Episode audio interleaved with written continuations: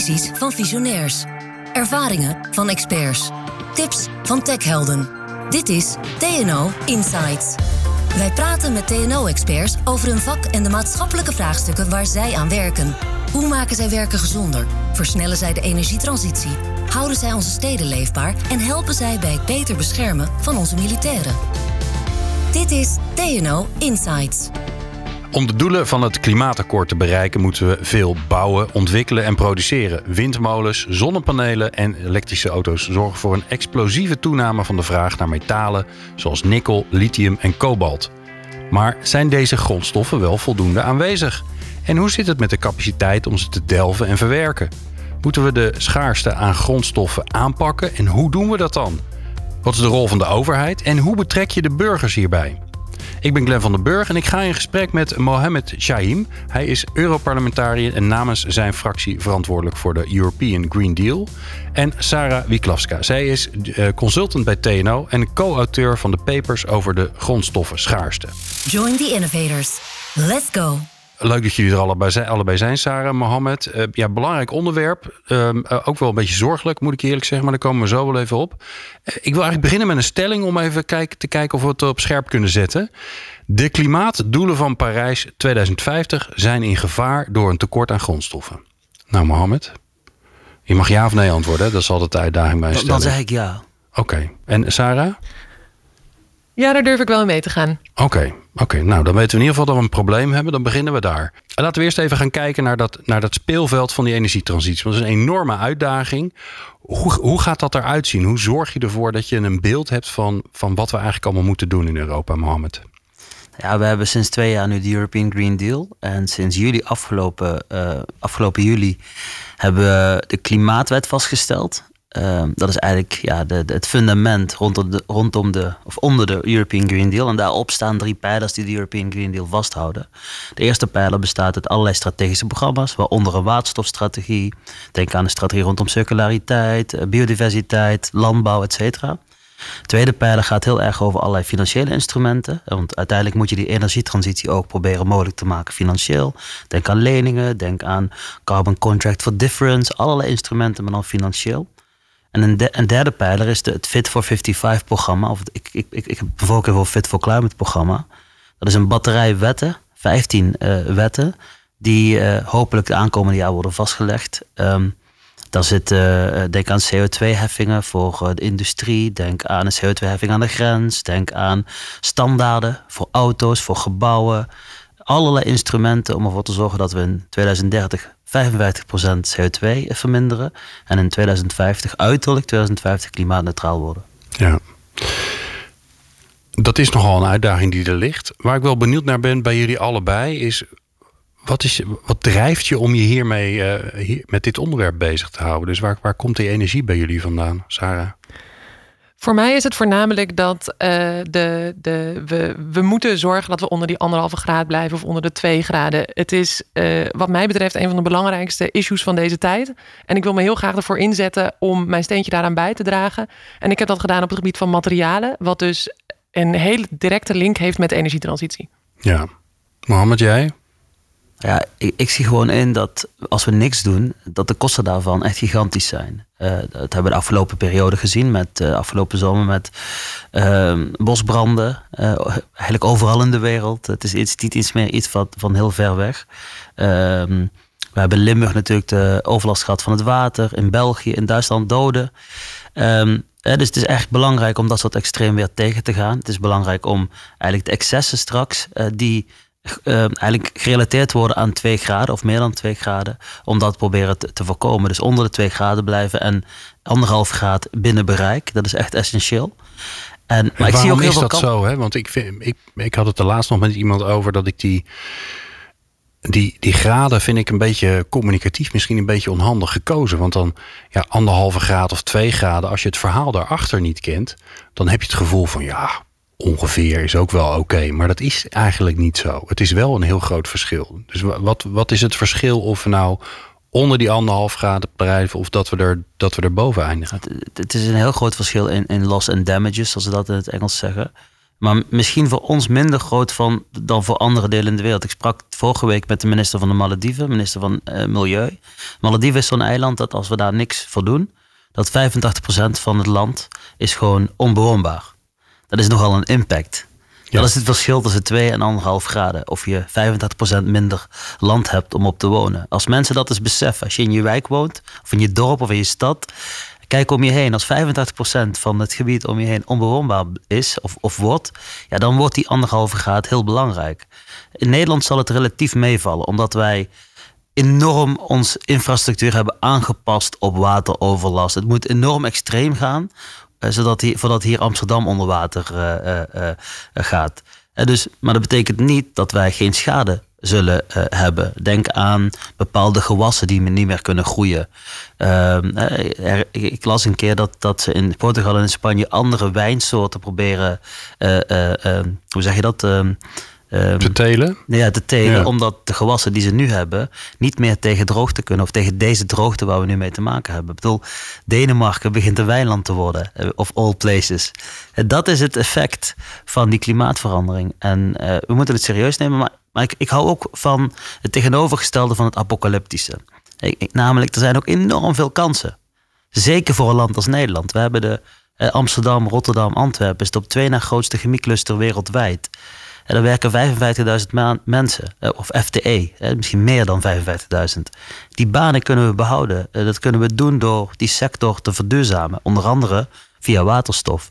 Daarmee blijven we state of the art wereldwijd. En dat is ook de moeite waard om die energietransitie te nemen en dus de afhankelijkheid van landen als Rusland te verminderen en je techniek en je industrie te verbeteren. Nou, dat lijkt me toch fantastisch voor Nederland. Ja, en, nou moeten we, om, om, om daar met elkaar aan te werken, moeten, moeten we heel veel gaan bouwen en produceren. Dat voelt ook een beetje contrair. Hè? Dus, dus je hebt last van de klimaat, uh, van de opwarming van de aarde. En dan moet je alsnog weer heel veel gaan maken. Ehm, maar dat, dat, hebben we nodig. Hè. Nou, noem alle windmolens, alle zonnepanelen, alle elektrische auto's. Die zien we natuurlijk al vormen. Nou, los van nog van de electrolyzers die we nodig hebben voor, uh, voor alle waterstof die we moeten gaan maken. Wat is het vraagstuk daaromheen? Dat is, uh, dat is een goede, want het is een double-edged sword eigenlijk. Dus het is eigenlijk een mes wat snijdt aan twee kanten. Het is, je kan het bijna vergelijken met het bouwen van een huis. Dus als je een huis bouwt en er zijn heel veel huizen in Nederland die bijvoorbeeld geïsoleerd moeten worden. Dat doen we omdat we elektriciteit en energie willen besparen. Maar tegelijkertijd ga je ook isoleren met materialen die gemaakt moeten worden. Die ook weer materialen kosten, CO2 kosten, uh, CO2 uitstoten, energie kosten. Dus je wil niet het ene extreem op, namelijk je huis niet isoleren. Je wil ook niet het andere extreem, namelijk je huis zo isoleren dat het extreem veel materialen kost. Dus ergens zit daar een, een, een, eh, een, een optimum. Net zoals met het, uh, met het uh, vervangen van bijvoorbeeld vervuilende dieselauto's voor nieuwe auto's waar batterijen in zitten met andere materialen, nou waar we het zo over gaan hebben. Ja. Dus het is een afweging die zorgvuldig gemaakt moet worden binnen de middelen en de tijd die we hebben. Ja, ja, die discussie. Ik heb zelf een elektrische auto. En die discussie heb ik nog met uh, verstokte uh, uh, benzineverstokers. Die dan zeggen: Ja, maar die batterijen bij jou in je auto. die zijn ook niet goed. En dan zeg ik: Nou ja, nu niet. Maar in de toekomst wordt dat misschien wel opgelost. Dat hoop ik dan natuurlijk een beetje. Als er maar een groot genoeg probleem is, dan gaan we daar ook weer oplossingen voor, voor verzinnen. En je draagt in ieder geval bij aan dat het. Het moet in ieder geval anders. Dat is natuurlijk ook de uitdaging die er in die hele transitie zit. hetzelfde blijven doen is sowieso geen optie. Um, uh, maar ja, de, we zien het nu natuurlijk al. Hè, uh, dat we nu uh, in, de, in, de, in de weer aantrekkende economie met COVID... dat we al grondstofproblemen hebben. Hout in de bouw, chips, nou een beetje overal. Ehm, als we kijken naar de uitdaging die er ligt... met die hele grote energietransitie die we hebben... ja, dan ga ik toch een beetje terug naar de stelling die we hadden hebben we dan wel, zitten wel genoeg in de grond en kunnen we het wel uithalen, al die metalen die we nodig hebben? Dat is een hele goede vraag. Um, we begonnen met deze podcast uh, wel met een licht apocalyptische stelling, namelijk hebben we, uh, gaan we de klimaatdoelen wel halen?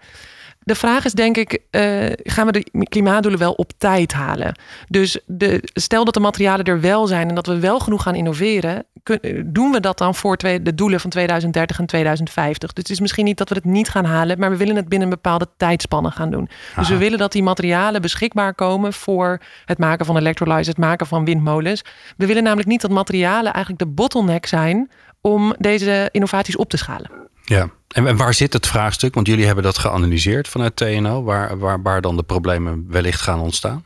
Mm wij hebben gekeken naar bijvoorbeeld uh, de hoeveelheid uh, uh, kritieke materialen, zoals ze heten, voor waterstofproductie. of we daar genoeg voor hebben, of we genoeg materialen hebben om waterstof te produceren.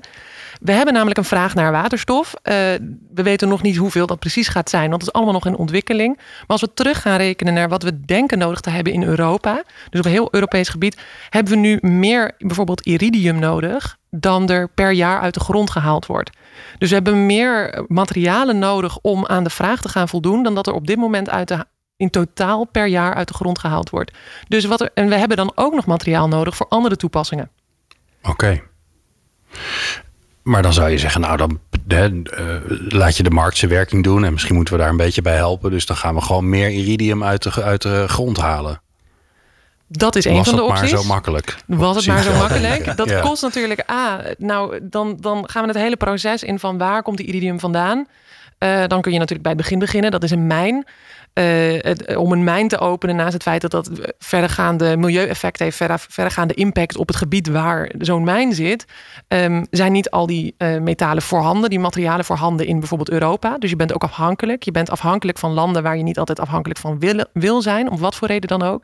En het kost ook heel erg veel tijd om deze, deze mijnen te openen. Dat is, niet, dat is een proces van soms decennia. Uh, de, uh, de materialen die komen, worden soms ook gemijnd samen met een ander materiaal. Co-mining heet dit. Waardoor, en sommige um, ertsen worden ook minder rijk na verloop van tijd. Nou, dit is allemaal al de, de overwegingen en de problemen waar je tegenaan komt bij het openen van een nieuwe mijn. Dan hebben we eigenlijk nog dat, de, dat er dus meerdere toepassingen zijn die bijvoorbeeld iridium in dit geval moeten kunnen gebruiken. Um, en soms, uh, uh, als je het aan de vrije markt overlaat, zou het kunnen dat deze, deze producten niet in uh, energietransitietoepassingen terechtkomen, maar in iets anders. Omdat daar al een business case voor is. Ja, want noem, noem, eens, een, noem eens een, een concurrent voor de energietransitie voor iridium. Waar zit het nu ook al in? Uh, het zit bijvoorbeeld in, uh, het kan zitten in elektronica, het wordt gebruikt in de chemie en katalysatoren.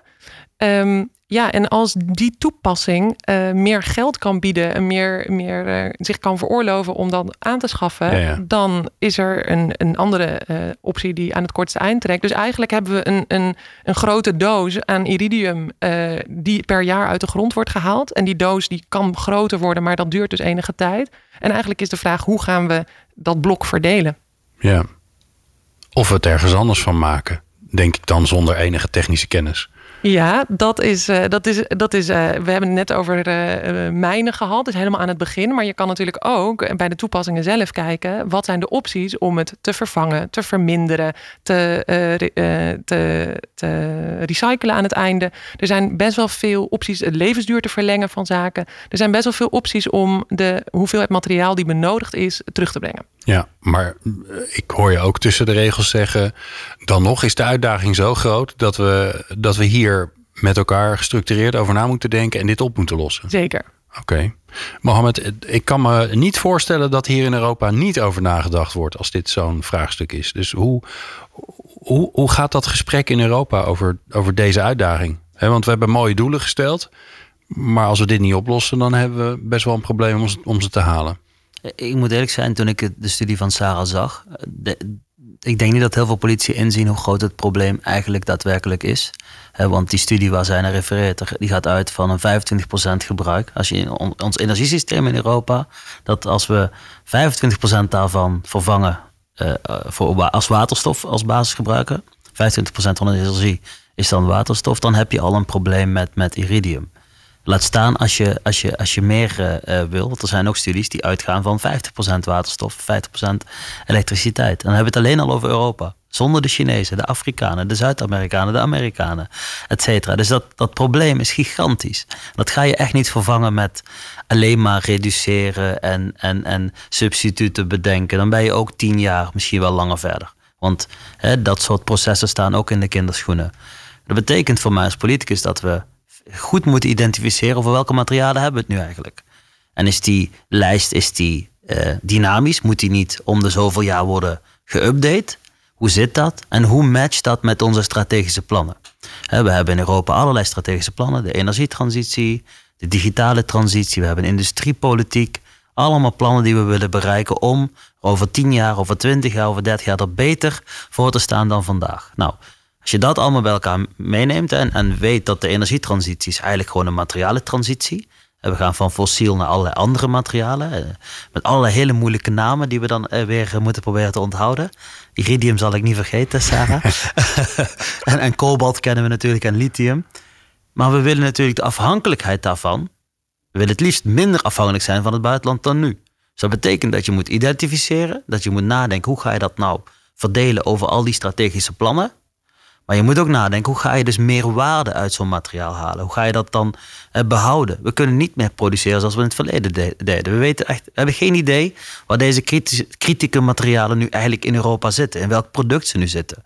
We moeten ook op een andere manier gaan nadenken over wie gebruikt ze, wie mag ze gebruiken en hoe gaan we ze weer terughalen en weer in die markt zetten. en, daar denkt Europa nu heel goed over na. Ja, want eh, hebben we een, een, een, lijst? Ja, ik denk even gewoon heel simpel. Hè? Uh, als je voor zo'n uitdaging staat, dan, uh, dan ga je rekenen met de grote getallen. En dan weet je ook ongeveer dat als je zoveel windmolens en zoveel electrolyzers en zoveel uh, elektrische auto's moet produceren, dan weet je ook een beetje hoeveel materialen je moet hebben en welke materialen er dan kritiek zijn. Is daar dan nu onder, is, daar, is daar overzicht over? Ja, die lijst wordt steeds geüpdate, maar dat is een, best wel een, een, een statige lijst. Hè? Er wordt niet echt in meegenomen hoe het in de toekomst mogelijk kan gaan veranderen. Maar we hebben een lijst van 20 materialen. Die is, er is een methodiek voor uh, om, om te komen tot die kritieke materialen. Ik geloof dat er twee uh, hoofdelementen zijn. De economische waarde en waar komt het vandaan en hoe risicovol is, is nu uh, dat land. want je moet je voorstellen, wij zijn voor rare earth metals, help me even wat de Nederlandse vertaling daarvan is, zijn we voor 98% afhankelijk van de Chinezen. En zo zijn er een aantal andere stoffen waar we hè, het echt uit één land of uit twee landen halen. Of waar één bedrijf in Europa in gespecialiseerd is. En dus die supply chains, die waardeketens zijn heel fragiel. Kijk ook nu hoe de buitenlandpolitiek zich ontwikkelt.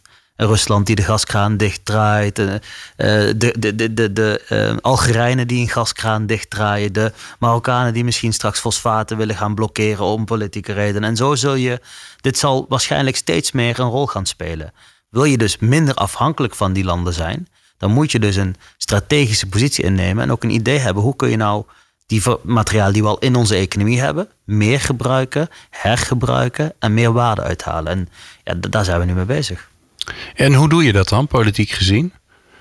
Ga je, een, ga je een grote voorraad aanleggen? Ga je alvast even ruig inkopen voor de komende jaren? Uh, ga je vrienden worden met de juiste landen? Laat je dan toch maar wat nou ja, sommige dingen politiek een beetje lopen. Je moet gewoon een aantal dingen tegelijkertijd doen. Je moet de producten die je hebt, moet je beter inzicht hebben wie ze dan uiteindelijk heeft en in welke toepassingen ze worden gebruikt. En je moet nagaan denken hoe ga je ze weer terugwinnen. Dat is één. Je moet nadenken over substituten. Hoe kan ik nou dat materiaaltje wat in dat proces wordt gebruikt, hoe kan ik daar nu een vervanger voor vinden? Of een, daar zijn hele slimme mensen in Nederland mee bezig. Daar zijn volgens mij in Nederland heel goed in. Met allerlei materialencentra hier in Nederland. Uh, en je moet misschien ook op termijn strategische voorraden gaan aanleggen. Het lastige is dat we met die energietransitie, dat die, die innovaties die komen best wel snel. Dus je moet ook niet onnodige strategische voorraden aanhouden die problemen kunnen veroorzaken in de waardeketen. Dat hebben we met COVID bijvoorbeeld gezien. Hè? Dat, dat landen allerlei producten gingen tegenhouden wat helemaal niet in, in elkaars belang is. Nee, of dat je heel veel mondkapjes inkoopt die je uiteindelijk niet meer gebruikt. Dat is een ander onderwerp. vaccins. Ja, of vaccins die je inderdaad dan aan een ander land kan geven. Um, wat, wat wel de uitdaging lijkt, denk ik, uh, Mohamed, is dat je. Dit gaat over hele grote aantallen. Het gaat over grote bewegingen. Um, je had het even over het terugwinnen van alle van materialen. ehm, nou dat, dat, dat kan allemaal, maar dat gaat dan weer over juist het individu wat dan het juiste gedrag moet vertonen om te zeggen: Oké, weet je, als, dan, als er dan iridium in mijn telefoon zit, dan, dan, dan ben ik gemotiveerd om dat ding te recyclen in plaats van dat ik hem in een la leg ergens, want dan help ik met de energietransitie. Dus hoe breng je dat hele grote en dat, en dat, en die, dat hele kleine in die gedragsverandering dan voor elkaar? Ik bedoel, ik, ik, denk dat dat het einde is van de schakel, hè, gedrag. Ik denk dat we überhaupt al moeten weten welke producten zitten nu waar en wie gebruikt die producten. Hoe kun je je producten aanpassen dat het ook veel makkelijker is om allerlei producten terug te winnen? Wat je nu al ziet bijvoorbeeld is dat bijna elke telefoonaanbieder op het moment dat je een telefoon koopt, dan bieden ze je aan om je oude telefoon in te leveren. Zodat we dat in het verleden ook. Een koelkast die, die, die zet je ook niet bij het oud vuil. Hè? Dus dat lever je ook in. Ik geloof dat dat echt wel gaat gebeuren. Um, wat, wat, wat volgens mij nog wel heel erg spannend gaat worden, is die kritieke materialen. Hoe ga je die nu verdelen over de verschillende sectoren? Wie bepaalt dat dan? En wat zijn daar dan de criteria voor? En hoe wil je dat zo open en transparant mogelijk doen zonder dat je zeg maar een, een volledige, uh, wat was de communistische term? Maakeconomie? Nee, uh, een planeconomie, planeconomie uh, gaat creëren. Hè? Dus dat, dat wordt denk ik heel erg spannend, omdat ja, je hebt gewoon mensen die vinden dat de markt alles moet oplossen. Je hebt anderen die zeggen nee, dat kan absoluut niet. De waarheid zit wederom ergens in het midden. Dat vind ik nog wel spannender. Ik denk echt dat er in Europa een instituut moet komen of een agentschap. Uh, niet om nog meer bureaucraten toe te voegen aan Europa, maar dit is zo'n grote, cruciale vraag in die om die strategische plannen waar te maken, dat je dus echt veel afgewogener moet besluiten je, je, moet überhaupt zicht in krijgen van waar komen die materialen nu binnen? Wie, wie geeft dat nu? Wie, wie heeft dat nou in handen? En hoe worden die nu gebruikt? Om, om zo'n strategische positie te kunnen maken. Nou, ik, vind, ik vind op zich de, de vergelijking met COVID wel interessant. Hè? Want uh, daar heeft Europa natuurlijk ook gezamenlijk ingekocht en eerlijk verdeeld over alle lidstaten. En dat zou zoiets zelfde zou je eigenlijk met dit soort materialen ook kunnen doen. Want ja, waarom zou uh, Frankrijk uh, een groter deel moeten, moeten bemachtigen dan, dan, dan Roemenië of Bulgarije? Eens, maar ik denk ook dat we dus die, die, die circulaire economie echt handen en voeten moeten gegeven. Hè? Van we moeten straks bedrijven hebben die gespecialiseerd zijn in dit soort materialen terugwinnen. Um, en dat moeten we niet in elk land. Dat is te weinig feedstock, zeg maar, om in elk land zo'n autoriteit of organisatie te hebben die dat gaat doen. Dat moet je met elkaar een beetje uh, verdelen. Uh, denk aan chemisch recycling, denk aan allerlei gespecialiseerde bedrijven die automatisch materialen vanuit heel over Europa krijgen. Daar op zo efficiënt mogelijk, zo goedkoop mogelijk de materialen weer terugwinnen. Tegen een kwaliteit die bijna uh, virgin, ruw is om, om zo, goed, zo goed mogelijk dat soort materialen weer in de markt te krijgen. En daar, daar zijn we denk ik ook, dat wordt ook nog wel een heel gesprek hoe we dat met elkaar gaan, uh, gaan organiseren. En we hebben weinig tijd. En we hebben heel weinig tijd. Ja. Het is dus in feite eigenlijk een, een verdelingsvraagstuk. En het is, het is uh, waarschijnlijk wijs om dat op Europese schaal te doen. Want uh, er komen dus inderdaad overal uh, materialen komen er Europa binnen. En we weten dat ze een bepaalde waarde hebben. En het is eigenlijk dus een, een, een bottleneck voor het implementeren van heel veel van onze strategieën. Dus we moeten rekening gaan houden met of we genoeg van deze materialen binnenkrijgen. Maar ook hoe gaan we ze inzetten voor een zo groot mogelijk maatschappelijk gewin. Dus in dit geval het voorkomen van klimaatimpact. Dat willen we heel graag garanderen. Dus hoe gaan we dan de materialen die inkomen eerlijk en voor, de, voor dit doel verdelen? Ja, je zou zeggen als er een keuze is tussen een, een nieuwe iPhone, omdat je toevallig uh, het nieuwe model wil hebben, of uh, hij kan een elektrolyzer, zodat we rondom die anderhalve graad kunnen, dan is de keuze redelijk eenvoudig. Ja, vanuit de markt wel. Nou ja, als, als de markt meer kan verdienen aan die iPhone, gaat, die, gaat dit, dat materiaal dus daarheen. Ja, kijk, en wat we zeker, kijk, wat wij ook nog moeten doen, en dat is een ander deel, wij moeten ook, kijk, het is helaas vaak zo dat het terugwinnen van materialen duurder is dan uh, ze importeren uit het, uh, raw, uh, zeg maar, als ruw materiaal importeren. Dus wij zijn ook aan het aandenken over allerlei wetgeving. Met batterij zijn we daar nu best wel ver in met de Battery Directive, waar we die binnenkort uh, gepresenteerd, of tenminste gestemd, in stemming wordt gebracht. Waarbij we gewoon zeggen: oké, we willen gewoon eisen stellen aan materialen in Europa. Die moeten voldoen aan een aantal duurzaamheidscriteria, sociale criteria, om ook een markt te creëren. Dan is het misschien iets duurder, maar dan ben je ook een incentive aan het creëren om die materialen weer terug te winnen. Ik geloof dat op de termijn er zoveel vraag is dat ook voor dat soort terugwinningsmaterialen voldoende geboden gaat worden. Maar, maar we zijn daar niet. We moeten aan het begin gewoon wel proberen in Europa. Want heel simpel, hoe vaker je een product gebruikt, ja, hoe minder CO2 je, uh, je uitstoot. Hè? Want ja, bedoel, mijnen kost gewoon meer CO2. Dus op het moment dat we op die manier ook nadenken over hergebruik, daar een markt voor gaan creëren. Wat, bedoel, circulaire economie is een mooi containerbegrip, maar als je naar de praktijk kijkt, dan, dan is er nog echt genoeg te doen. Mhm. Ehm, ik denk dat daar ook deels uh, misschien nog wel winst te behalen valt. En Sarah, als je nou vanuit de wetenschap kijkt naar dit vraagstuk, hè, dan, nou ja, dan kan je inderdaad zorgen dat als je ergens te weinig voor hebt, dat je er meer van krijgt. Um, wordt er nou ook gekeken naar inderdaad naar andere oplossingen? Jazeker. En we hebben het nu al een paar keer over recycling gehad. Maar ik wil er eigenlijk ook nog daarvoor. Je hebt dus de, de, het design van een bepaald apparaat of een toepassing. Je hebt de recycling, dat is helemaal aan het einde van de levensduur. Maar ook daartussenin kun je eigenlijk nog een aantal dingen doen. Dus eigenlijk tijdens de levensduur kan je zorgen dat bijvoorbeeld de levensduur langer wordt van iets. Dat is een hele simpele en geëigende. Nou ja, het is niet simpel voor sommige toepassingen, maar het is wel een simpel te bevatten manier om een materiaal meer waarde te laten. En, en in, in, je wil eigenlijk zoveel mogelijk dat die materialen toegepast zijn in, in zaken waar ze een winst voor ons behalen. En uh, jij hebt veel mensen, recycling is een heel erg tot de, voor, uh, voor, tot de verbeelding sprekend iets. Namelijk, je, je, je haalt het er weer uit en je stopt het weer in een nieuw materiaal. Maar het is eigenlijk een vrij, vrij omslachtig. Je maakt een hele grote kring. Het is vrij duur, het is vrij bewerkelijk, het is vrij lastig. Zoals uh, uh, Mohammed ook zei, het zijn vaak dure processen. Je kan ze niet overal in elk land. Het is misschien handig om dat te doen. Dus eigenlijk waar wij naar hebben gekeken, is dat uh, reductie van een bepaald materiaal een hele, hele goede manier is om uh, materialen uh, vraag aan de vraagkant te verminderen. Oké, dus dat zit in het ontwerp eigenlijk. Ja, ja. En dus je hebt reductie en substitutie. Dus substitutie wil zeggen dat je het materiaal vervangt door een ander type materiaal, wat eigenlijk bijvoorbeeld minder kritisch is, of in ieder geval misschien ook kritisch is, maar um, zo de, de, dan kun je zo de druk van verdelen over meerdere verschillende materialen. En um, uh, daarbij levensduurverlenging bijvoorbeeld. Er zijn heel veel verschillende strategieën vanuit technisch en ontwerpperspectief waar je op kunt richten. En recycling is zeker niet de enige. Dus we, we zijn daar eigenlijk, je kan op heel verschillende paarden wedden. Het enige wat ik daarbij moet zeggen is, al deze uh, technieken zijn voor al deze verschillende toepassingen nog in ontwikkeling. En het zal echt nog een tijd duren voordat uh, we een, een significante reductie in de hoeveelheid voor elkaar kunnen krijgen. En dat is zeg maar, er zijn verschillende maten van oplossingen. Mohammed had het net over de, de politieke kant, de inkoopkant, et cetera. Maar er zijn ook technische oplossingen. En gelukkig uh, uh, heeft Europa ook in innovatierichtingen voor, voor dit soort materialen op het oog. Bijvoorbeeld voor, voor ontwikkelingen rondom levensduurverlenging van bijvoorbeeld van batterijen. Dat zijn echt programma's die we ook nodig hebben, want we moeten dus op heel veel verschillende paarden tegelijk wedden. En, en wordt daar genoeg aan gedaan? Kan daar ooit genoeg aan gedaan worden? Kun je natuurlijk ook afvragen. Maar zitten we genoeg op die, op die innovatie vanuit die, eigenlijk die schaarste gedachte?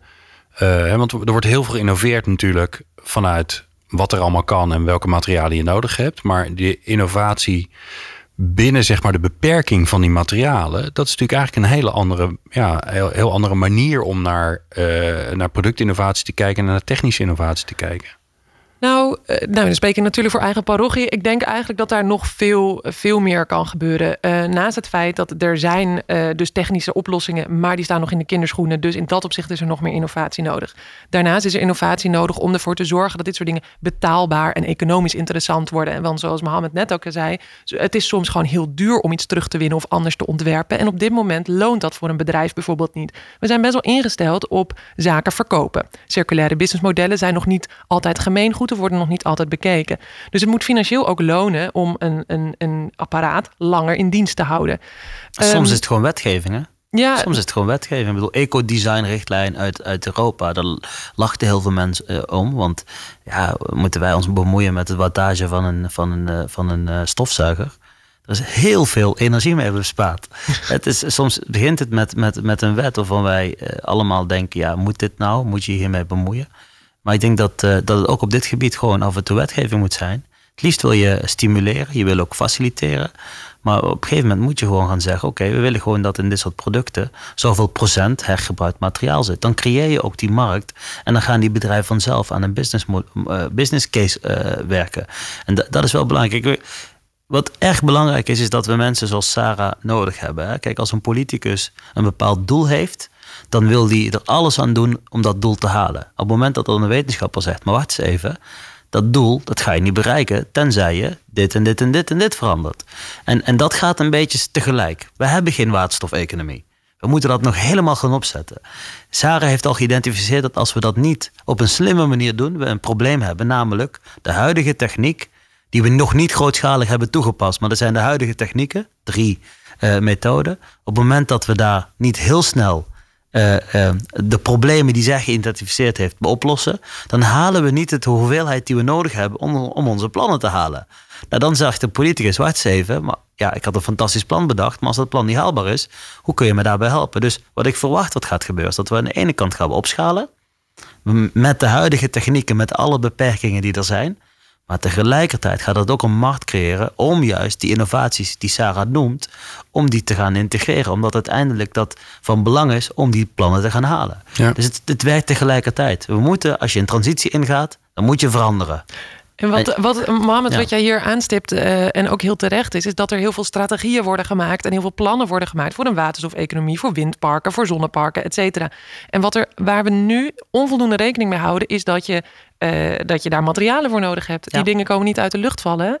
En dat het materialenperspectief wordt eigenlijk in dit soort plannen op dit moment niet genoeg meegenomen. Dus we, we lossen eigenlijk een energietransitie bijvoorbeeld op. Een energievraagstuk lossen we op en we creëren een materiaalvraagstuk. En die dingen zijn, zijn uitwisselbaarder dan men denkt. Ja, en wat ik, wat ik ook hoor en voel tussen de regels door, is dat um, de markt organiseert natuurlijk heel veel. Hè. Het organiseert innovatie, het organiseert het verlagen van de prijs. Alleen dat heeft wel tijd nodig. En die tijd die hebben we eigenlijk niet met elkaar. En dus ik hoor jou eigenlijk zeggen, Mohammed, ja, we moeten die markt een beetje helpen met bepaalde regels en richtlijnen, zodat er nieuwe markten ontstaan. Um, maar um, hoe zie jij dat dan voor je? Want ook de politiek, uh, uh, zeker in Europa, die heeft tijd nodig. Ja, maar het kan best snel gaan. Ik kan me nog herinneren in 2013 toen het nieuwe kabinet aantrad en zij een visie hadden op windparken in de Noordzee. Toen dacht iedereen van veel te kostbaar. Idioot plan. Waarom? Binnen vijf jaar werd een plan ingediend waarbij 0 euro overheidssubsidie nodig was. Binnen vijf jaar. Dat is innovatie, technisch is dat een supersnelheid. Ik geloof heel erg dat als wij straks je gaat kijken naar de plannen rondom waterstof in Europa. We hebben de zogenaamde 2 keer 40 gigawatt strategie. Waarbij we het idee hadden om 40 gigawatt productiecapaciteit elektrolyse binnen Europa te creëren en, 2 en 1 keer 40 buiten Europa voor Europa. Als je gaat focussen op Europa, zijn alleen al de plannen die ingediend zijn nu, zitten we op 50 of 60 gigawatt. Waaronder een plan, geloof ik, in Spanje voor 26 gigawatt productiecapaciteit en elektrolyse. Voor 2030 nogmaals, in innovatietijd is dat morgen.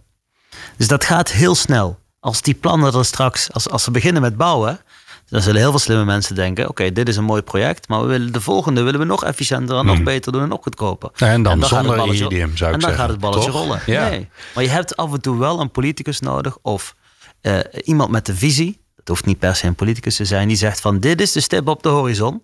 En wij gaan dat gaan we bij elkaar bereiken. En dan gaan mensen bewegen, net als met de windparken in de Noordzee in 2013. Het is heel makkelijk om op dit soort, op de energietransitie en klimaatverandering, om daar pessimistisch over te worden. Maar eigenlijk zetten we als mensheid binnen ontzettend korte tijd ontzettend veel neer. Dus dit is, dit, het is geen, het is geen, uh, uh, het is, dit, dit, dit, materiale probleem is iets wat we ook gaan tackelen. Maar wel iets wat we nu weten en rekening mee moeten houden om het voor elkaar te krijgen. Uh, het is eigenlijk net zoals dat je je eigen huis wil bouwen. Dat is prima, dat ga je doen. Maar je moet wel rekening houden met dat je materialen daarvoor nodig hebt. Ja, ja en, en, en ik, ik ben eerlijk gezegd best wel positief, omdat ik veel, uh, ik zie heel veel innovatie en ik zie heel veel ondernemerschap en ik zie heel veel politici en ambtenaren die allemaal dezelfde kant op eh, rennen, duwen en vliegen. Dus dat, dat, dat vind ik super. De uitdaging die ik zie is dat we gewoon echt weinig tijd hebben. Dus die negen jaar die we eigenlijk, ja, bijna acht, hè, want we zijn bijna in 2022, dan hebben we nog acht jaar. Die is wel kort. En, um, en, de, en, dat vind ik wel Um, ik vind het mooi om te horen dat je positief bent daarin, Mohammed. Dat moet ook. Want ja, ik bedoel, uh, als jij het niet meer bent, dan moeten we ons echt zorgen gaan maken. Um, de uitdaging die er natuurlijk in zit, is dat je ook op manieren van samenwerken, beleid maken, wetten maken, ook daar zul je in moeten innoveren, omdat je daar toch ja, vaart in moet gaan maken. Zie jij dat dan ook gebeuren? Ja, ik ben echt, als ik, kijk even naar de elektrische auto, jongens. Hoe snel dat gaat, gaat. Over in 2027 is de aanschafprijs van een elektrische auto waarschijnlijk goedkoper dan een uh, dan een diesel- of een benzineauto. De prijs van batterijen, hoe, hoe, hoe significant dat daalt. De prijs van zonnepanelen. Ik bedoel, wij zien keer op keer op keer als we ergens voor kiezen. Of een overheid kiest ergens voor, en eh, bij de zonnepanelen waren het de Chinezen, dan kan het enorm snel gaan. We moeten opschalen. We moeten dus niet wachten op die uh, nieuwe technieken die er misschien een keer in de toekomst gaan komen. We moeten het wel meenemen in ons scenario. Maar we moeten beginnen. En ik geloof als we eenmaal dat die weg ingeslagen zijn, dan ga je slimme mensen hebben. Hoe meer mensen nadenken over hetzelfde probleem, hoe groter de kans is dat er iemand een briljante oplossing vindt. Nou, die transitie inzetten, dat betekent dat die neuzen dezelfde richting uitgaan. Niet alleen in Brussel of in Den Haag, maar ook in al die boardrooms overal op de wereld. En in die laboratoria overal op de wereld. En ik word elke dag verrast met een innovatie die nog kleinschalig is, en misschien nog moet gaan groeien met een briljante oplossing voor de energietransitie, voor het verwarmen van je huis, voor het wekken van energie op weer een nieuwe manier. Ik bedoel, we hebben zoveel mooie, slimme mensen op de wereld dat ik niet anders kan zijn dan positief zijn. Wat ik moet doen als politicus is die mensen faciliteren. Ik wilde bijna zeggen in hun kracht zetten, maar dat mogen we niet meer. Dat mogen we niet zeggen. maar wel, weet je, wij moeten gewoon mensen, als wij weten in welke richting we moeten innoveren, dan gaan wij vanuit Brussel zeggen: oké, daar gaan we potjes voor maken. We gaan er programma's voor maken. En we gaan ervoor zorgen dat het niet tien jaar gaat duren, maar dat we dat in vier jaar hebben opgelost. En dan, als je die mensen dan bij elkaar zet, dan zie je niet dat ze in vier jaar een oplossing vinden, maar in twee jaar al een oplossing hebben. En, en dat is het voordeel van, van het rapport wat ik zag vanuit de, waar, waar Sarah aan heeft gewerkt. Oké, dit is een probleem, dat moeten we onderkennen. Wat gaan we vervolgens doen? Als Europees Parlement. We, we, beginnen met een initiatiefrapport om die kritieke materialen weer body te geven binnen het parlement. De commissie komt met een voorstel en vervolgens gaan er heel veel mensen uh, aan hetzelfde probleem werken. En dat, dat, is gewoon, dat is gewoon volgens mij hoe het altijd moet, uh, moet werken. Dan, dan heb ik wel een vraag, zeg maar. Want kijk, Mohammed, jij, jij bent hier al jaren en dag mee bezig. Je bent veel met de Green Deals bezig. En zeg maar, de energietransitie, dat, dat is voor jou gesneden koek. Maar dit, dit probleem is nu, zeg maar, het probleem van uh, het, het niet genoeg hebben van materialen is nu nog niet aan de orde. Dus de, de, de, de, we zien het aankomen. Als die opschaling gaat plaatsvinden, hebben we plotseling heel veel meer nodig. Um, doordat we dat nu nog niet voelen, is, wordt, wordt urgentie, heb ik het idee, ook niet genoeg gevoeld. Heb jij het idee dat genoeg politici zich terdege van bewust zijn dat ze hun plannen niet uitvoerbaar zijn als ze niet na gaan denken over hoe ze aan de materialen komen?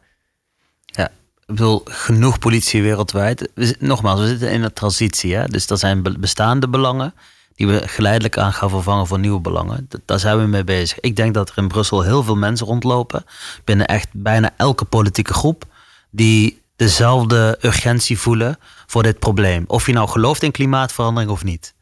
uiteindelijk zien een aantal mensen ook dit gewoon als een, uh, manier om onze ja, industrie op een goede manier weer uh, ja, niet alleen te bouwen. Het is een soort van derde, uh, de derde industriële revolutie. Maar soms zeggen mensen dat dat digital is. Maar dit is, dan is dit de vierde, als digital de derde is. Dus we gaan op een andere manier, we gaan op een andere manier produceren. Uh, wij willen dat stukje industrie graag hier behouden, omdat dat zorgt voor werkgelegenheid. we zijn uiteindelijk ook mensen. We willen ook gewoon inkomen verdienen om, om ook een stukje geluk te ervaren. Um, dus vanuit al die verschillende productgroepen zijn er mensen die dit wel zien. En we zijn nu pas echt bezig met: oké, dit zijn onze strategische plannen. Wat zijn nou die beren op de weg? En, en wat je merkt is dat, dat dat geopolitiek enorm aan het opspelen is. Die eigenlijk bilaterale wereld. We zijn niet meer multilateraal. We zijn niet meer van het afspreken en allerlei plannen maken. Het is erg, heel erg polariserend. Maar ook dit probleem. Hè? Ik bedoel, Afrika is een enorme belangrijke speler. De Chinezen zijn niet voor niks daar heel erg aanwezig. Nou, wat moeten wij dan doen?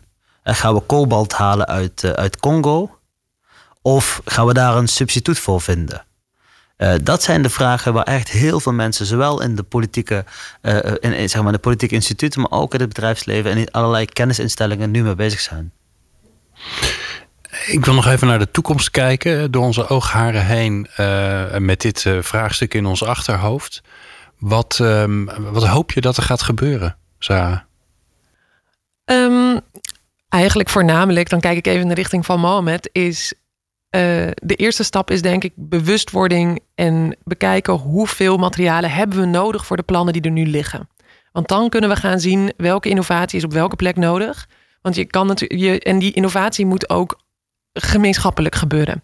Dus niet ieder voor zich kijken op zijn eigen eiland. Hoe kunnen we uh, substitutie of reductie van een bepaald materiaal uh, uh, te, teweeg brengen.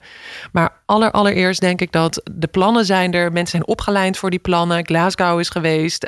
Green Deals worden gesloten. Wat, wat is het materiaalperspectief daarvan? Dat is stap 1.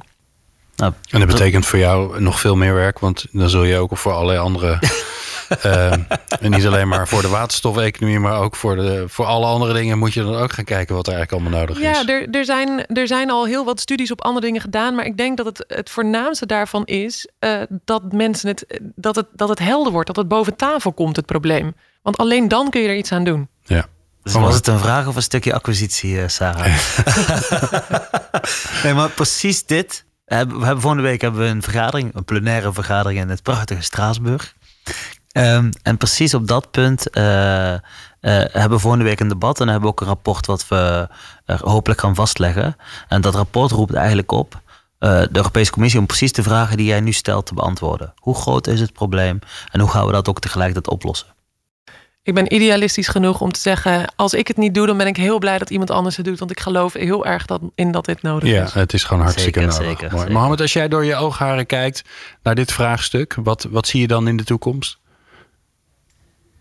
Ja, kijk, ik, ik, zie dat zeg maar soms uh, verandering sneller gaat dan dat wij, uh, dat wat wij uh, hopen. kijk naar de elektrische auto. Wij zijn in Nederland gewoon echt leidend in, in de.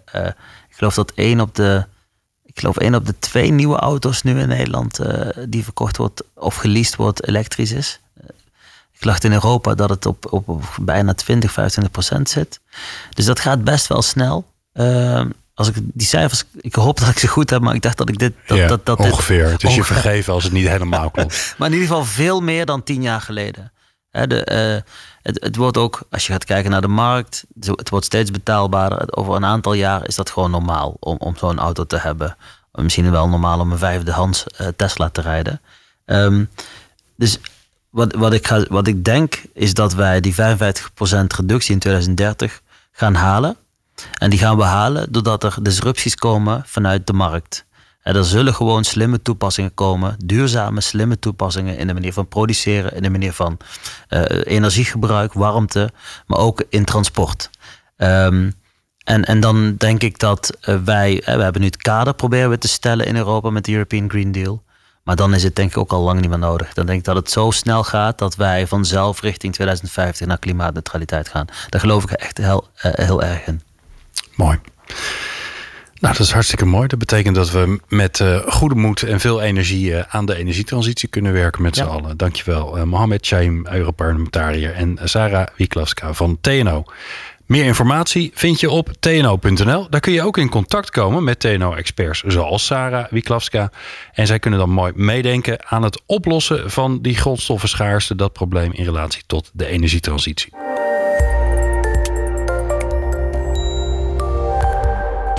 Dat je hebt geluisterd naar TNO Insights.